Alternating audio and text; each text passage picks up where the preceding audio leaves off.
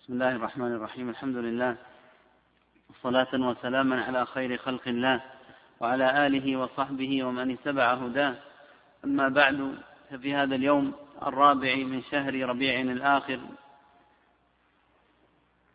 من عام ثلاثة وثلاثين وأربعمائة وألف للهجرة النبوية الشريفة ينعقد هذا المجلس الثالث والعشرون في شرح كتاب التدمرية لشيخ الإسلام ابن تيمية رحمه الله تعالى لمعالي شيخنا الشيخ الدكتور يوسف محمد الغفيص في جامع عثمان بن عفان رضي الله عنه بحي الوادي بالرياض. قال رحمه الله تعالى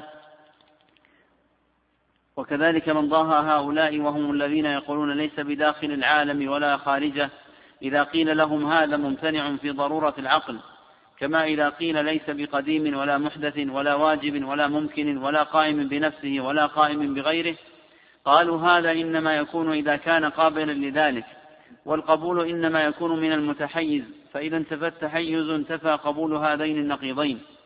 فيقال لهم علم الخلق بامتناع الخلو من هذين النقيضين هو علم مطلق لا يستثنى منه موجود والتحيز المذكور إن أريد به كون الأحياز الموجودة تحيط به فهذا هو الداخل في العالم وإن أريد به أنه منحاز عن المخلوقات أي مباين لها متميز عنها فهذا هو الخروج. فالمتحيز يراد يراد به تارة ما هو داخل العالم داخل العالم وتارة ما هو خارج العالم. فإذا قيل ليس بمتحيز كان معناه ليس بداخل العالم ولا خارجه. فهم غيروا العبارة ليوهموا من لا يفهم حقيقة قولهم أن هذا معنى آخر. وهو المعنى الذي علم فساده بضرورة العقل. كما فعل أولئك في قولهم ليس بحي ولا ميت ولا موجود ولا معدوم ولا عالم ولا جاهل. نعم الحمد لله رب العالمين وصلى الله وسلم على عبده ورسوله نبينا محمد وعلى آله وصحبه. ذكر المصنف رحمه الله في المقالات الغالية التي عرضت لبعض الطوائف ما يكون متضمنا لنفي النقيضين كقولهم لا داخل العالم ولا خارجه. وبين أن ما استعملوه من الطرق في ذكر هذا المعنى ومما استعملوه في ذلك أن هذا يستلزم أن الإثبات يستلزم التحيز بين أن هذه الكلمة وهي كلمة التحيز والحيز أنها كلمة مجملة لا بد فيها من الاستفصال وليس استعمالها مما ورد في خطاب القرآن وخطاب النبي صلى الله عليه وآله وسلم ولا هي معروفة في كلام الصحابة إنما هي كلمة عرضت في كلام أهل الكلام والفلسفة ولا يراد بها آه، معنى يضطرد عندهم ولهذا قال لا بد فيها من الاستفصال. وبين أن هذه الكلمة لا توجب معنى جديدا عما ذكروه وأن غاية ما ذكروه في هذا ينتهي إلى ما هو ممنوع بضرورة العقل وهو العلم الضروري في العقل بأن الجمع بين النقيضين وأن رفع النقيضين كلاهما ممتنع. نعم. قال رحمه الله تعالى القاعدة الثانية أن ما أخبر به الرسول صلى أن ما أخبر به الرسول عن ربه عز وجل فإنه يجب الإيمان به سواء عرفنا معناه أو لم نعرف لأنه الصادق المصدوق. فما جاء في الكتاب والسنة وجب على كل مؤمن الإيمان به وإن لم يفهم معناه. وكذلك ما ثبت باتفاق سلف الأمة وأئمتها مع أن هذا الباب يوجد عامته منصوصا في الكتاب والسنة متفقا, متفقا عليه بين سلف الأمة وما تنازع فيه المتأخرون نفيا وإثباتا فليس نعم. القاعدة الثانية أن ما أخبر به النبي صلى الله عليه وسلم عن ربه فإنه يجب الإيمان به وقوله رحمه الله سواء عرفنا معناه أو لم نعرف ليس المراد به النفي لأصل المعنى فإن كلامه يعني الإمام ابن تيمية كلامه المستفيض في أن معاني الصفات من حيث هي معاني آه، تدرك على قدر من الإجمال والمقصود بالإجمال هنا أنه لا يستطال بالفهم إلى النظر في كيفية الصفات وكيفية الأفعال والإحاطة بعلم الله سبحانه وتعالى أو بصفاته أو بأفعاله. فهذا مقام تقصر العقول والنفوس عنه. إنما المصنف رحمه الله ذكر في كلام متواتر في كتبه ومستفيض في كتبه أن طريقة التفويض طريقة محدثة ليس لها أصل. وذلكم أن القرآن نزل هدى ونزل بيانا ونزل ليؤمن به وليفقه وليتدبر وكل هذا أخص المقام فيه في مثل قول الله تعالى فلا يتدبرون القرآن؟ وقوله سبحانه أفلا يتدبرون القرآن ليس فيه استثناء لشيء منه. فهذا التدبر هو الفقه والعلم بالمعاني الصحيحة. وتعلم أنه بالعقل والفطرة فضلا عن الشرع. يعلم معنى كون الله سبحانه وتعالى على كل شيء قدير ومعنى كونه سميعا ومعنى كونه بصيرا. وإن كانت العقول لا تدرك صفة كيفية ولا كيفية الفعل إلى آخره. فهذا الذي انتهى إليه في قوله رحمه الله أن ما أخبر به النبي صلى الله عليه وسلم عن ربه فإنه يجب الإيمان به. سواء عرفنا معناه أم لم نعرف وإنما ذكر هذا التقييد لأن لأن النظر في آه، تمام العلم من جهة الكيفية ونحوها هو مدخل كثير من الطوائف الذي استلزم التأويل عندهم. فلما كان نظرهم في هذا المعنى الزائد الذي لا يصح النظر فيه بقول بل يوكل علمه إلى الله سبحانه وتعالى لما كان النظر في هذا القدر الزائد عن أصل المعنى جعله كثير من الطوائف موجبا للتأويل قال إن هذا المعنى وإن لم نعلمه وأراد بالمعنى هنا ما هو من هذا المقام على ما أشير إليه الآن لا يوجب ترك التصديق فإن التصديق يكون بما أمكن التصديق به وأمكن إدراكه وما زاد من العلم الذي لا تحيط العقول به فإنه يوكل تفصيله وإدراكه إلى الله سبحانه وتعالى. وهذا معنى قول الإمام مالك رحمه الله الاستواء معلوم والكيف غير معقول فأراد المصنف بهذه القاعدة ليس ذكر التفويض بل نص على أن مقالة التفويض من شر مقالات أهل البدع. نص في كتبه على أن مقالة التفويض من شر مقالة أهل البدع. وأراد بالتفويض والتفويض لأصول المعاني بحيث لا يكون يفقه من سياق الآيات في أسماء الله وصفاته أدنى معنى ولا أدنى اعتبار ولا أدنى إدراك. بحيث لا يتضمن إثباتا لصفة ولا علما بها ولا علما بكمال اقتضته هذه الصفة. فهذا هو التفويض المذموم. وأما التفويض الذي يكون للكيفية بمعنى أن يوكل العلم بها إلى الله فلا شك أن الله سبحانه وتعالى لا يحاط به علما. لا يحاط به علما وهو معنى قول مالك الاستواء معلوم والكيف غير معقول فأراد بقوله سواء عرفنا معناه أم لم نعرف أو لم نعرف أراد بذلك أن عدم العلم بالكيف لا يصح أن يستعمل في نفي أصل المعنى. أراد هذا وجه.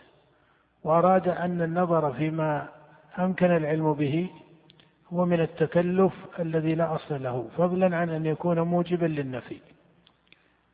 عن أن يكون موجبا للنفي وأنه ليس من شرط الحقائق التي يصدق بها أن يحاط بها حتى يتم التصديق بل يكون التصديق بحسب المقام المقتضي.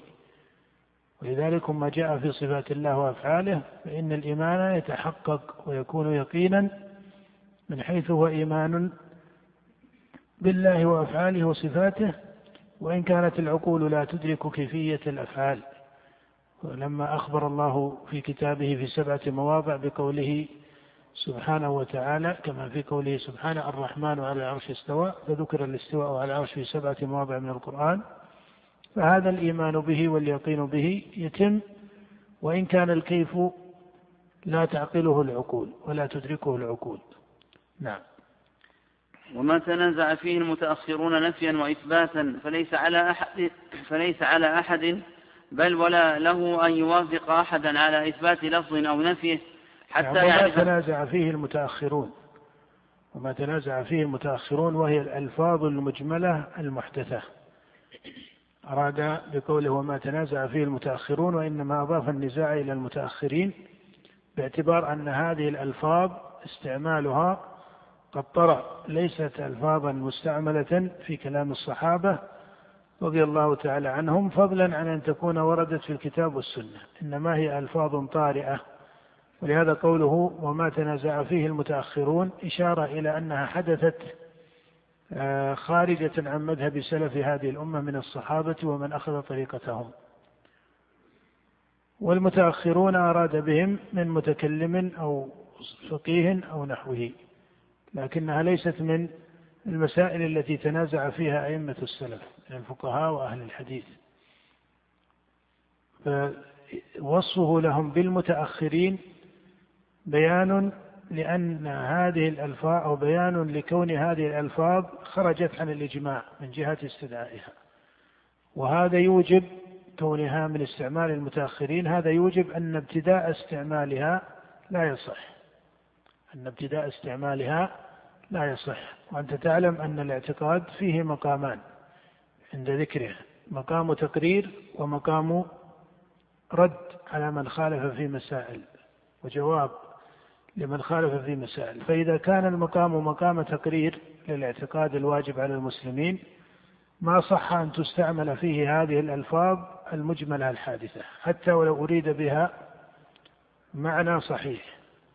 إذا كان المقام مقام تقرير ما صح استعمالها ولو أريد بها مرادا صحيحا بل في مقام تقرير العقائد عقائد المسلمين وعقيدة المسلمين يجب أن تقرر بالكلمات الشرعية الصحيحة. الكلمات الشرعية الصحيحة المعروفة في لغة العرب على معنى بين صريح. وهي الكلمات التي ذكرت في كلام الله ورسوله. عليه الصلاة والسلام أو ما رادفها في المعنى على اقتضاء البيان وقواعد البيان. وأما هذه الألفاظ المحدثة المجملة فهي التي أشار المصنف إليها فهي خلاف الإجماع. إذا نستفيد من كلمة وما تنازع فيه المتأخرون أنها خارجة عن إيش؟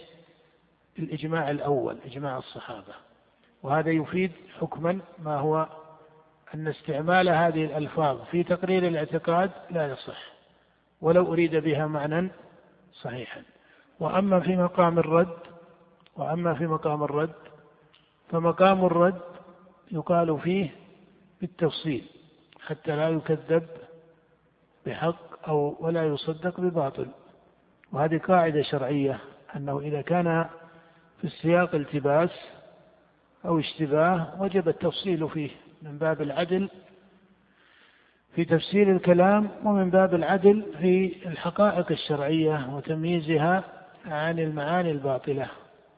ولهذا النبي صلى الله عليه وسلم لما ذكر ما يحدث به أهل الكتاب قال لا تصدقوا أهل الكتاب ولا تكذبوهم لأنه قد يكذب بحق وقد يصدق بباطل. فكذلكم هذه الألفاظ إذا استعملت في مقام الرد بمعنى أن مخالفا استعملها فأريد الجواب عن قوله ومراجعته في قوله ومجادلته فيه استعمل معها هذه القاعدة وهي أن اللفظ يتوقف فيه وأن المعنى يستفصل فيه فإن كان المعنى صوابا قبل المعنى وصحح ولكن قيل يعبر عنه بالكلمات الشرعية التي تكفي عن هذا كله. وإن كان المعنى لا يصح قيل إنه معنى باطل. نعم. وهذا كلفظ الجسم وكلفظ الحيز وكلفظ الجهة. فهذه ألفاظ لا ترى أنها ذكرت في القرآن. وبعضها ألفاظ سائرة في كلام العرب لكنها ما استعملت في حق الله. وبعضها ألفاظ لم تكن سائرة في كلام العرب وإن كان لها أصل لكنها لم تكن من مستعملهم الشائع وهي الألفاظ الكلامية. نعم. حتى يعرف مراده فإن أراد حقا قبل وإن أراد باطلا رد وإن اشتمل كلامه على حق وباطل لم يقبل مطلقا ولم يرد جميع معناه بل يوقف اللفظ ويفسر المعنى كما تنازع الناس في الجهة والتحيز وغير ذلك. فلفظ الجهة قد يراد به شيء موجود غير, غير الله فيكون مخلوقا. كما إذا نعم أريد وهو إذا قيل هل الله في جهة أو ليس في جهة قيل هذا السؤال باطل من جهة ألفاظه. بل الله سبحانه وتعالى هو العلي الأعلى كما قال في كتابه سبح اسم ربك الأعلى. بل الله سبحانه وتعالى فوق عباده كما قال في كتابه وهو وهو القاهر فوق عباده. بل الله سبحانه وتعالى في السماء. كما قال الله تعالى آمنتم من في السماء. إلى غير ذلك. وأما أن ترد الحقائق الإلهية إلى ألفاظ محدثة وتترك الكلمات الشرعية كلمات الكتاب والسنة ولا شك أن هذا من الخطأ في الشرع والعقل. هذا من الخطأ في الشرع لأنه ترك له ومن الخطأ في العقل لأن ترك الكلمات البينة من حيث المراد إلى كلمات مجملة مشتركة لا يصح فيها إطلاق. هذا أيضا خطأ في في العقل من جهة أن الحكم المطلق على اللفظ المشترك خطأ في العقل فإن اللفظ المشترك لا يصح معه حكم لا يصح معه حكم مطلق. فإذا قيل الجهة هل الله في جهة؟ فأجيب بإطلاق أحد الوجهين إما النفي وإما الإثبات فكلاهما سيكون إيش؟ خطأ لأنك أطلقت أمام المشترك والمشترك هنا هو لفظ الجهة فإن الجهة يمكن أن تكون جهة وجودية أو جهة عدمية كما عبر المصنف في بعض كلامه في منهاج السنة وغيرها يقول الجهة إما جهة وجودية أو جهة عدمية فهما وجهان متقابلان فإذا أطلقت المشترك بحكم مطلق صار هذا خطأ من جهة العقل لأن المشترك لا يصح له حكم مطلق بالنفي المطلق أو الإثبات المطلق. فإذا يتبين معنا أن ترك كلمات الشريعة خطأ من جهة العقل وخطأ من جهة الشرع. نعم. كما إذا أريد بالجهة نفس العرش أو نفس السماوات وقد يراد هذا باب يحتاج إلى حسن إدراك وفقه وهو أن الشريعة جاءت بمعاني والمقصود هنا آه، خطابها في كلام الله في القرآن أو كلام النبي صلى الله عليه وآله وسلم جاءت بكلمات تتضمن هذه الكلمات ويتضمن هذا الكلام معاني. فتوسع الناس في الكلمات. توسع الناس في الكلمات وهذا خطأ هذا خطأ. ما كان ينبغي التوسع في الاصطلاح في أبواب الإلهيات ومسائل الإيمان. الاصطلاح قد يناسب بعض العلوم لكن في مثل علوم العلوم الإلهية وعلوم الإيمان بالله ومعرفة الله وأفعال الله هذه لا تخضع للاصطلاحات والاستعمالات إنما يعبر عن هذا الباب باب الإيمان ومعرفة الله وأفعال الله يعبر عنه بكلمات الكتاب والسنة. فالإيمان هو الإيمان بالله وملائكته وكتبه ورسله واليوم الآخر والقدر خيره وشره. والإيمان هو شهادة أن لا إله إلا الله وأن محمدا رسول الله وإقام الصلاة وإيتاء الزكاة وصوم رمضان. كما أجاب بذلك النبي صلى الله عليه وسلم وفد عبد القيس لما سألوه عن الإيمان فقال الإيمان شهادة أن لا إله إلا الله وأن محمدا رسول الله وإقام الصلاة وإيتاء الزكاة وصوم رمضان. وأن تؤدوا خمسا من المغنم كما جاء في الصحيحين من حديث ابن عباس وغيره. فالمقصود أن الكلمات الشرعية هي كلمات الكتاب والسنة ولا ينبغي بل الأصل منع ذلك. بل الأصل منع ذلك سواء ما استعمله المتكلمون من كلمات مجملة وصارت هي معتبر التعبير عن الأدلة المستعملة عندهم في تأويل الصفات ككلمة الأعراض والجواهر والتركيب والأجسام إلى آخره فالدين والمعرفة بالله عقلا وشرعا لا تكون بهذه الألفاظ التي أقل أحوالها أنها ألفاظ مشتركة. ليست عند النظار بمعنى واحد فالعرب عند المتكلمين هم مختلفون فيه اختلافا كثيرا. منهم من يجعل العرب ما يقابل الجوهر ومنهم من يجعله ما يقابل الجوهر الفرد ومنهم من يجعله ما يقابل المركب ومنهم من يقول هو ما يعرض ويزول ولا يبقى زمانين إلى غير ذلك. فليست ألفاظا فصيحة في معانيها فضلا عن كونها ليست فصيحة في أصلها اللغوي. حتى تستعمل على مطابقه في مقصودهم الكلامي أو الفلسفي. كذلكم في أبواب أخرى من الشريعة توسع الناس في مسألة الأسماء فتركت الأسماء الشرعية. تركت الأسماء الشرعية وصار الناس يضافون إلى ما هو على خلاف الأصل.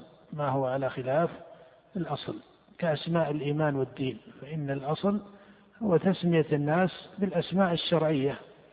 فأهل الإيمان يسمون المؤمنين وهم مراتب كما في كتاب الله فمنهم ظالم لنفسه ومنهم مقتصد ومنهم سابق بالخيرات ويسمون باسم الإسلام ويسمون بأسماء الإيمان والدين من أعمال البر التي عظمها الله. ولهذا قال الله تعالى إن المسلمين والمسلمات والمؤمنين والمؤمنات والقانتين والقانتات إلى آخره. فهذه الأوصاف والأسماء هي أسماء أهل القبلة وهي أسماء أهل الإيمان في الأصل. ولا يستعمل ما يقابلها إلا إذا قام السبب إلا إذا قام السبب. وفرق بين المقام الذي يقع هو الأصل وبين المقام الذي يقع على خلاف الأصل لسبب لسبب يقتضيه لسبب يقتضيه. ولهذا لما كان في حال النبي الأولى عليه الصلاة والسلام وهو بمكة ما كان الناس إلا مؤمنا أو أو كافرا. فلما هاجر إلى المدينة ظهر المنافق فجاء ذكر المنافقين في القرآن. فلما كثر النفاق كثر ذكرهم في القرآن كما في سورة التوبة حتى فصلت كثير من أحوالهم بما لم يقع في سورة مثلها. حتى فصلت في سورة التوبة كثير من أحوال المنافقين بما لم يقع في سورة مثلها. لكن أحوالهم ذكرت في جملة من سور القرآن في سورة البقرة وفي غيرها. المقصود أن الاعتبار في آه، أسماء الشريعة وحقائق الشريعة القصد إلى كلمات الكتاب والسنة هو الأصل. وهذه الكلمات ليس ثمة كلمات تصل إلى رتبتها. حتى إذا أريد أن يبين معناها فيقرب وقد يكون بكلمة الكتاب والسنة أقرب. قد يقرب بكلمة وهذا يقع حتى في كتب التفسير. يعني هذا الخطأ وإن كان البحث في كلام المتكلمين يكون أبلغ لكن بعض المتأخرين قصر فيه. حتى في التفسير الناس يدركون من تفسير القرآن على كلمة القرآن ما هو أبلغ من المعنى الذي يدرك على الكلمة التي تفسر بها كلمة القرآن. فقوله سبحانه وتعالى مثلا وقضى ربك ألا تعبدوا إلا إياه وبالوالدين إحسانا. يقال قضاء أمر فهذا لا بأس به كجملة وفسره كثير من أهل العلم والسلف بذلك. لكن دلالة كلمة قضى على هذا السياق أبلغ من أبلغ من مطلق الأمر. ولهذا جاء ذكر الأمر في موارد كثيرة من القرآن. لكن لما جاء هذا المقام ذكر بهذا الفعل من اللغة. قال الله تعالى وقضى ربك ألا تعبدوا إلا إياه. فدلالة الكلمات بليغة ولذلك القصد إلى كلمات الكتاب والسنة في الاستدلال وفي الفقه وفي آه، أحكام الإيمان من باب أولى. هذا القصد ينبغي أن يقصد حتى في مسائل فقه الشريعة. وفي أحكام الإيمان من باب أولى. بل هذا باب لا يجوز فيه استعمال الكلمات المحدثة. لأنه باب مبني على التوقيف. نعم. وقد يراد به ما ليس بموجود غير الله كما إذا أريد بالجهة ما فوق العالم. ومعلوم أنه ليس بالنص إثبات لفظ الجهة ولا نفيه كما فيه إثبات العلو والاستواء والفوقية والعروج إليه ونحو ذلك. وقد علم أنه ما ثم موجود إلا الخالق والمخلوق والخالق مباين للمخلوق سبحانه وتعالى ليس في مخلوقاته شيء من ذاته ولا في ذاته شيء من مخلوقاته. فيقال لمن نفى الجهة أتريد بالجهة أنها شيء موجود مخلوق فالله ليس داخلا في المخلوقات. أم تريد بالجهة ما وراء العالم فلا ريب أن الله فوق العالم بائن من المخلوقات. وكذلك يقال لمن قال إن الله في جهة أتريد بذلك أن الله فوق العالم أو تريد به أن الله داخل في شيء من, المخلوق من المخلوقات؟ فإن أردت الأول فهو حق وإن أردت الثاني فهو باطل. وكذلك لفظ المتحيز إن أراد به أن الله تحوزه المخلوقات فالله أعظم وأكبر بل قد وسع كرسيه السماوات والأرض. وقد قال الله تعالى وما قدر الله حق قدره والأرض جميعا قبضته يوم القيامة والسماوات مطويات بيمينه. وقد ثبت في الصحيح, عن النبي صلى الله عليه وسلم أنه قال يقبض الله الأرض ويطوي السماوات بيمينه ثم يقول أنا الملك أين ملوك الأرض؟ وفي حديث آخر وإنه ليدحوها كما يدحو الصبيان بالكرة. وفي حديث ابن عباس ما السماوات السبع والأرضون السبع والأرضون السبع وما فيهن في يد الرحمن إلا كخردلة في يد أحدكم. وإن أراد به أنه منحاز عن المخلوقات أي مباين لها منفصل عنها ليس حالا فيها فهو سبحانه كما قال أئمة السنة فوق سماواته على عرشه بائن من خلقه. القاعدة الثالثة إذا قال القائل ظاهر النصوص مراد نعم نقف على هذا وبالله التوفيق. صلى الله وسلم على نبينا محمد.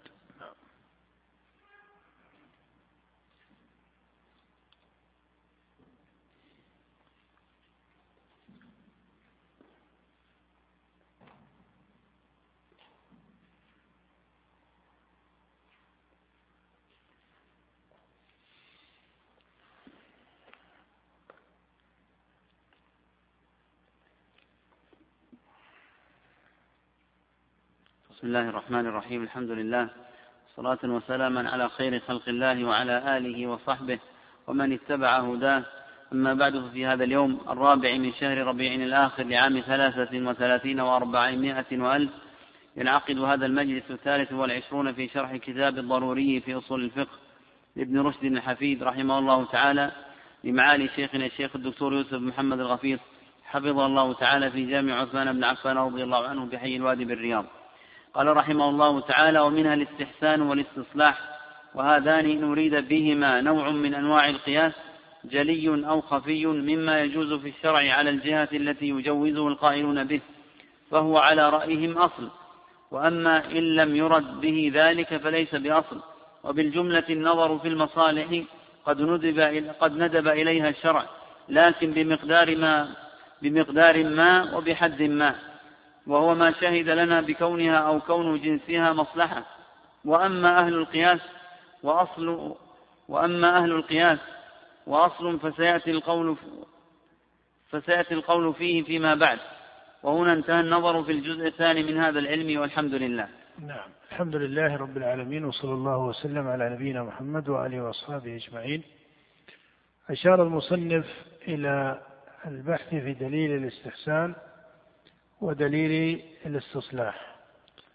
وبين بيانا فيه قدر من الاقتصاد والإجمال إلى أن الاستحسان إذا أريد به وجه من القياس وهو كذلك عند من يستعمله فإنه يكون داخلا في الاستدلال أو في الأدلة سواء اختص باسم أو كان ضمن دليل القياس.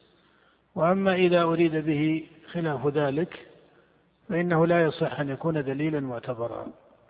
هذا جملة ما أشار إليه أبو الوليد في كلامه هذا. دليل الاستحسان دليل مسمى في كلام كثير من أهل الأصول بل جماهير أهل الأصول ذكروه.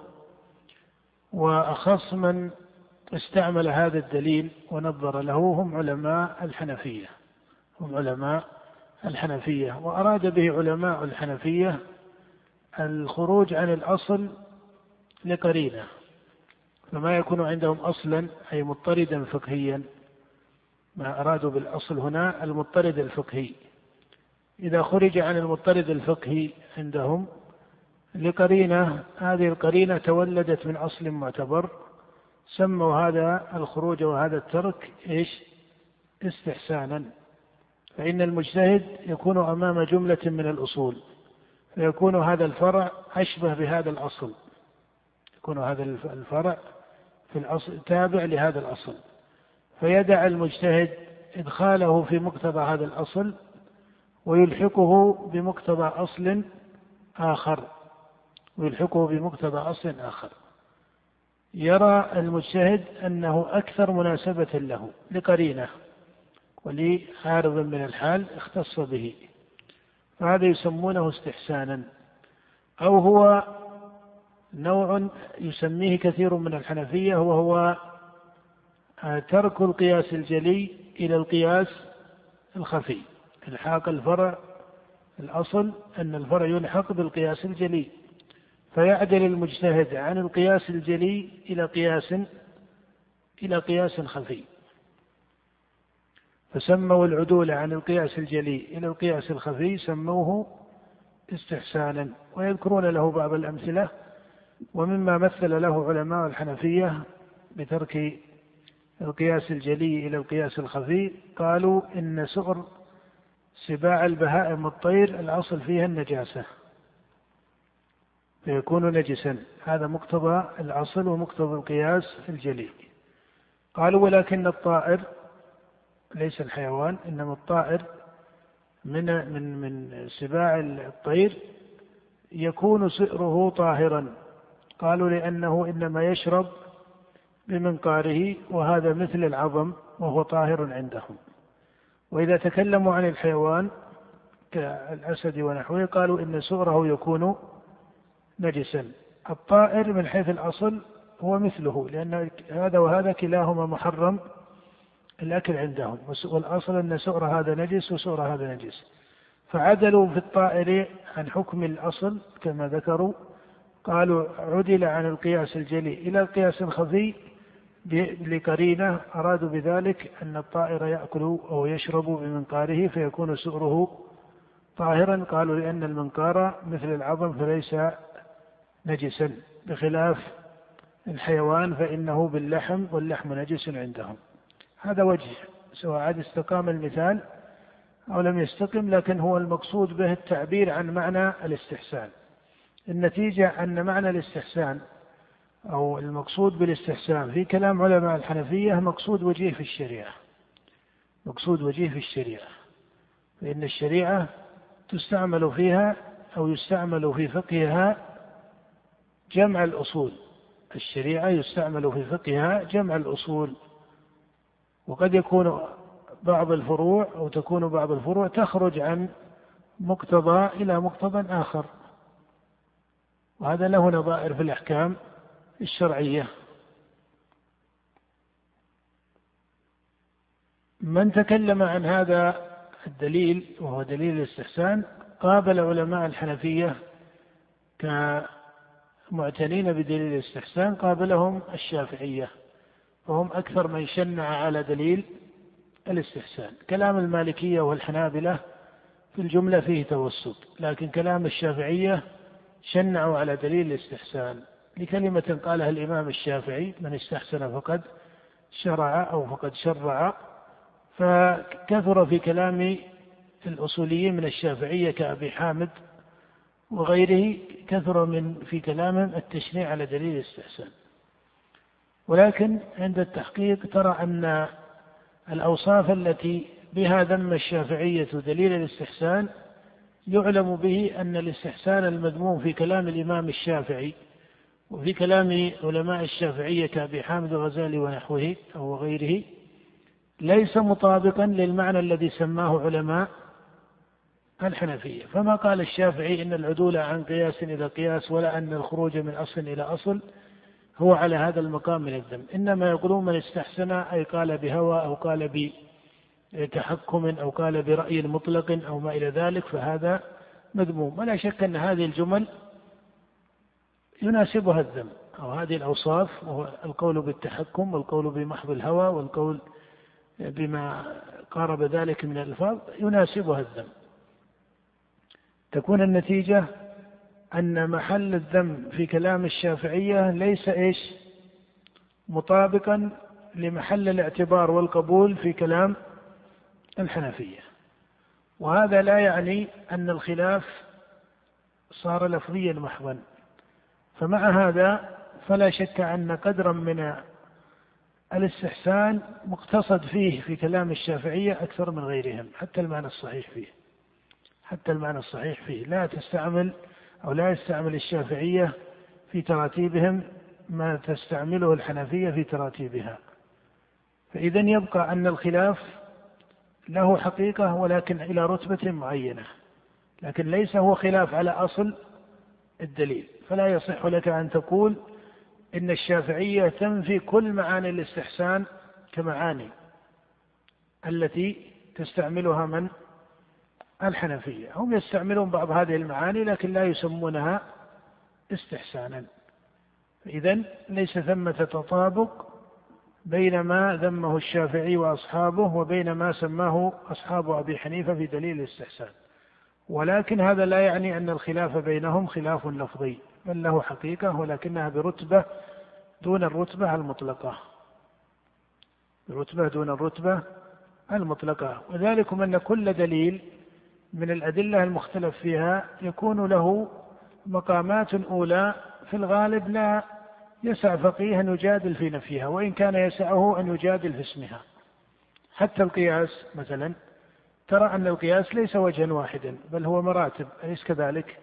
فلما نفاه ابن حزم رحمه الله استعمل بعض الأوجه التي هي في كلام الجمهور تسمى ماذا؟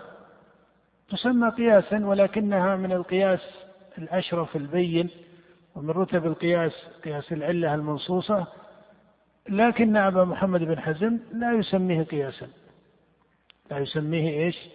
لا يسميه قياسا لكنه معنى بين في الشريعة اعتباره. أولئك سموه قياسا وهذا لما نفى القياس رحمه الله وقع في كلامه اعتبار لمثله لكنه ما سماه. كذلك هم الشافعية يعتبرون بعض ما تسميه الحنفية استحسانا ولا يعتبرون البعض الآخر ولكنهم في عباراتهم أطلقوا هذه الكلمة. فلا يلزم أن الألفاظ تطابق المعاني. نعم. كلام الحنابلة كما أشرت والمالكية فيه توسط. نعم.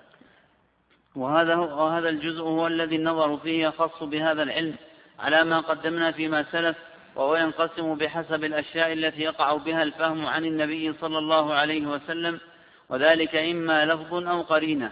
واللفظ ينقسم إلى ما يدل على الحكم بصيغته وإلى ما يدل بمفهومه ومعقوله.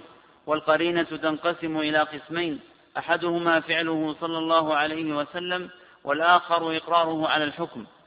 القول في النص والمجمل من جهة الصيغة. نعم إذا هو ذكر أن اللفظ والقرينة أي أن القول إما أن يكون لفظا وإما أن يكون قرينة وأما الفعل فإنه يتضمن أو أما الفعل فإن إنه يدخل في القرينة. اللفظ يكون منه المنطوق ويكون منه المفهوم. وأضاف القرينة إلى أفعال النبي صلى الله عليه وسلم أو إلى إقراره. وهذا على كل حال جميعه اصطلاح. إضافة القرينة إلى الفعل أو إلى الإقرار هذا اصطلاح. والاصطلاح المشهور أن القرينة ما كان متبعا لأصل وليس هو إياه. ولهذا يعدل بها عن الأصل. ولهذا يعدل بها عن الأصل. نعم. لكن أصل مادة السنة هي أقوال النبي صلى الله عليه وسلم وفعله وإقراره. لكن أن يسمى الفعل قرينة ويسمى الأول إما منطوقا وإما مفهوما هذا لا يلزم. نعم. ولنبدأ من ذلك بالنظر في الألفاظ فنقول إن العادة قد جرت عندهم في هذه الصناعة أن يقسموا الألفاظ والأقاويل إلى المجمل والنص والظاهر والمؤول. وينبغي أن ننظر في واحد واحد من هذه الأقسام ونبين المعنى الذي يدلون عليه في واحد واحد منها فنقول إن الألفاظ منها مفردة ومنها مركبة والمفرد إما اسم وإما فعل وإما حرف والمركبة ما تركب من هذه وكان يدل جزءه على جزء من المعنى. ومن هذه ما هو غير مستقل بنفسه في الفهم ومنها ما هو مستقل بنفسه.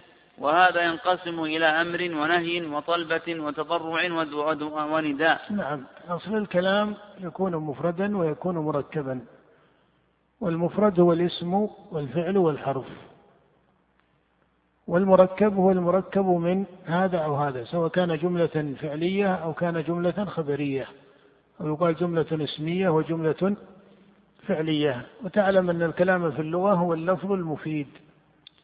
وأن الكلام في اللغة هو اللفظ المفيد. سواء كان مفيدا بجزئه أو كان مفيدا بجملته. نعم. والألفاظ سواء كانت أسماء أو حروفا أو أفعالا أو مفردة أو مركبة منها ما يفهم عنها بصياغها في كل موضع معنى واحدا أبدا. وهذه بعض ما يعنون بالنص في هذه الصناعة. ولنسميه نحن النص من جهة الصيغ ومنها ألفاظ يمكن يمكن أن يفهم عنها أكثر أكثر من معنى واحد. إذا فسر النص بأنه ما لا يفهم عنه إلا معنى واحد. فإذا كان السياق لا يفهم عنه إلا معنى واحد كقول الله سبحانه يا أيها الذين آمنوا كتب عليكم الصيام. فهذا لا يفهم عنه إلا معنى واحد وهو وجوب الصيام. ولله على الناس حج البيت من استطاع إليه سبيلا. هذا السياق لا يفهم عنه إلا وجوب الحج. فيسمى هذا نصا في وجوب الحج ونصا في وجوب الصيام. وأما إن كان محتملا دل ذلك على أنه ليس من باب النص بل يكون من باب الظاهر فما دونه. نعم.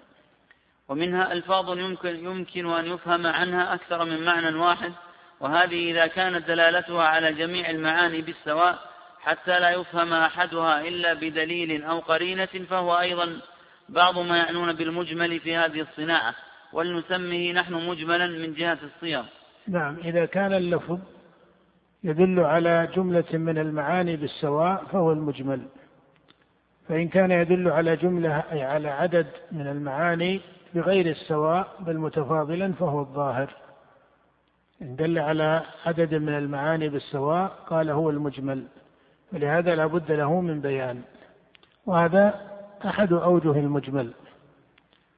وقد يكون الإجمال في غير ذلك كما سيأتي في كلامه عن المجمل. وإذا كان يدل على عدد من المعاني على غير السواء أي متفاضلا فالفاضل منها والعالي منها في الإدراك هو الظاهر. نعم. ومن هذه الألفاظ ومن هذه الألفاظ ما يقال من أول الأمر على شيء منا ويكون أشهر في الدلالة عليه ثم يستعار حينا ما لشيء آخر لشبهه بالمعنى الأول أو أو يبدل بعضها مكان بعض اتكالا في ذلك على قرينة تفهم المعنى المستعار المستعار أو المبدل. وهذه إذا وردت خلوا من القرائن حملت على وضعها الأول.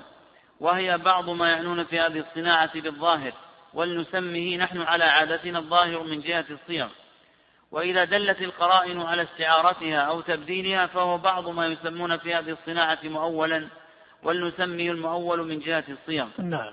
وهذا من دقة أبي الوليد. قال هو فهو بعض ما يسمى بالمؤول. فإذا كان العمل يراد به اعتبار الظاهر فهو عمل بالظاهر. وأما إذا كان السياق يدل على عدد من المعاني ليس متساويا ولكن المراد بالعمل ليس هو الظاهر منها بل العمل يكون بوجه بعده بعد الأعلى منها رتبة. واقتضى العمل بالوجه الثاني وليس بالوجه الأعلى اقتضته قرينة. قال فهذا هو المؤول. المؤول لأنه ترك الاعتبار بظاهره والمقصود بالظاهر هنا الأعلى رتبة من المعاني في الإدراك. فإذا عدل عن الأعلى رتبة من المعاني المتعددة إلى المعنى الثاني بعده لقرينة قال فهو وجه مما فهو وجه من المؤول. فهو وجه من المؤول. وعلى كل حال هذا كلام يعني هكذا رتب في كلام الأصوليين مع أنه مشكل في أصله. لأن هذه التراتيب في المؤول وفي المجمل وفي الظاهر وفي الأمر وفي النهي كلها تدور على إشكال من جهة تجريد المعاني في مقابل الألفاظ. وهذا في تحققه نظر في الأصل.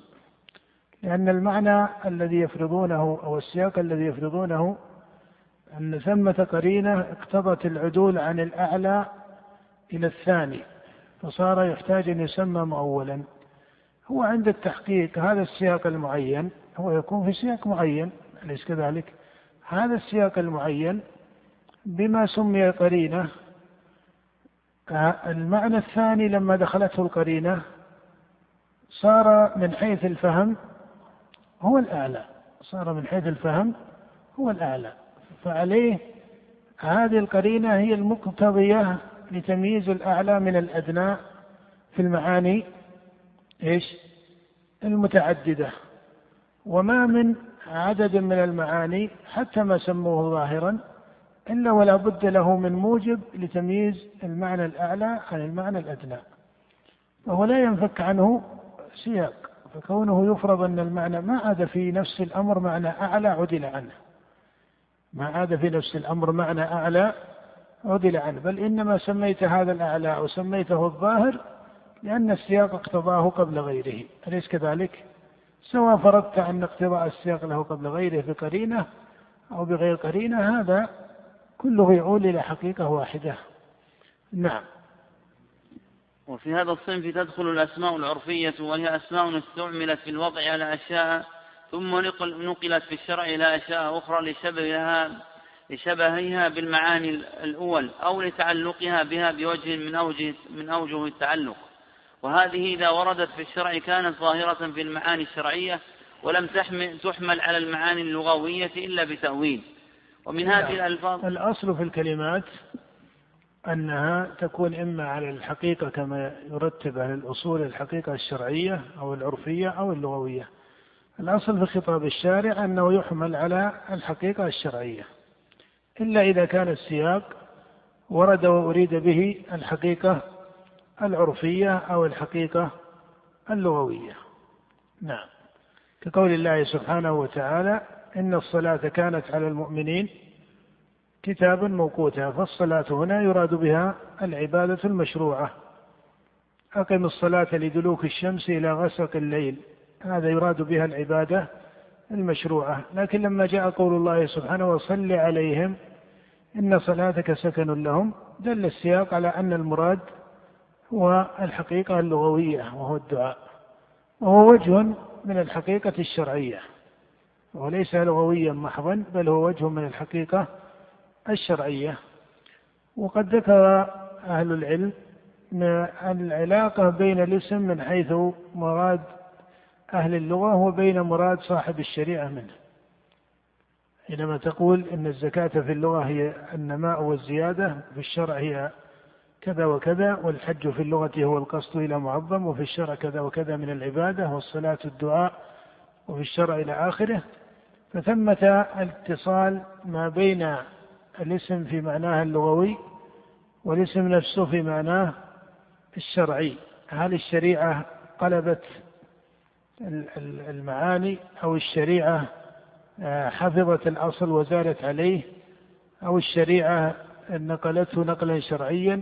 هي أوجه من الاختلاف. ذكر ابن حزم رحمه الله في ذلك وذكر ابن تيمية كذلك نفس الآراء التي أشار إليها ابن حزم إلى ستة مذاهب للنظار والفقهاء في هذه المسألة. وإن كانت بعض هذه الآراء إذا تأملت فيها وجدتها آراء متداخلة فقد يتحصل منها ثلاثة أقوال عند التحقيق كخلاف له ثمرة.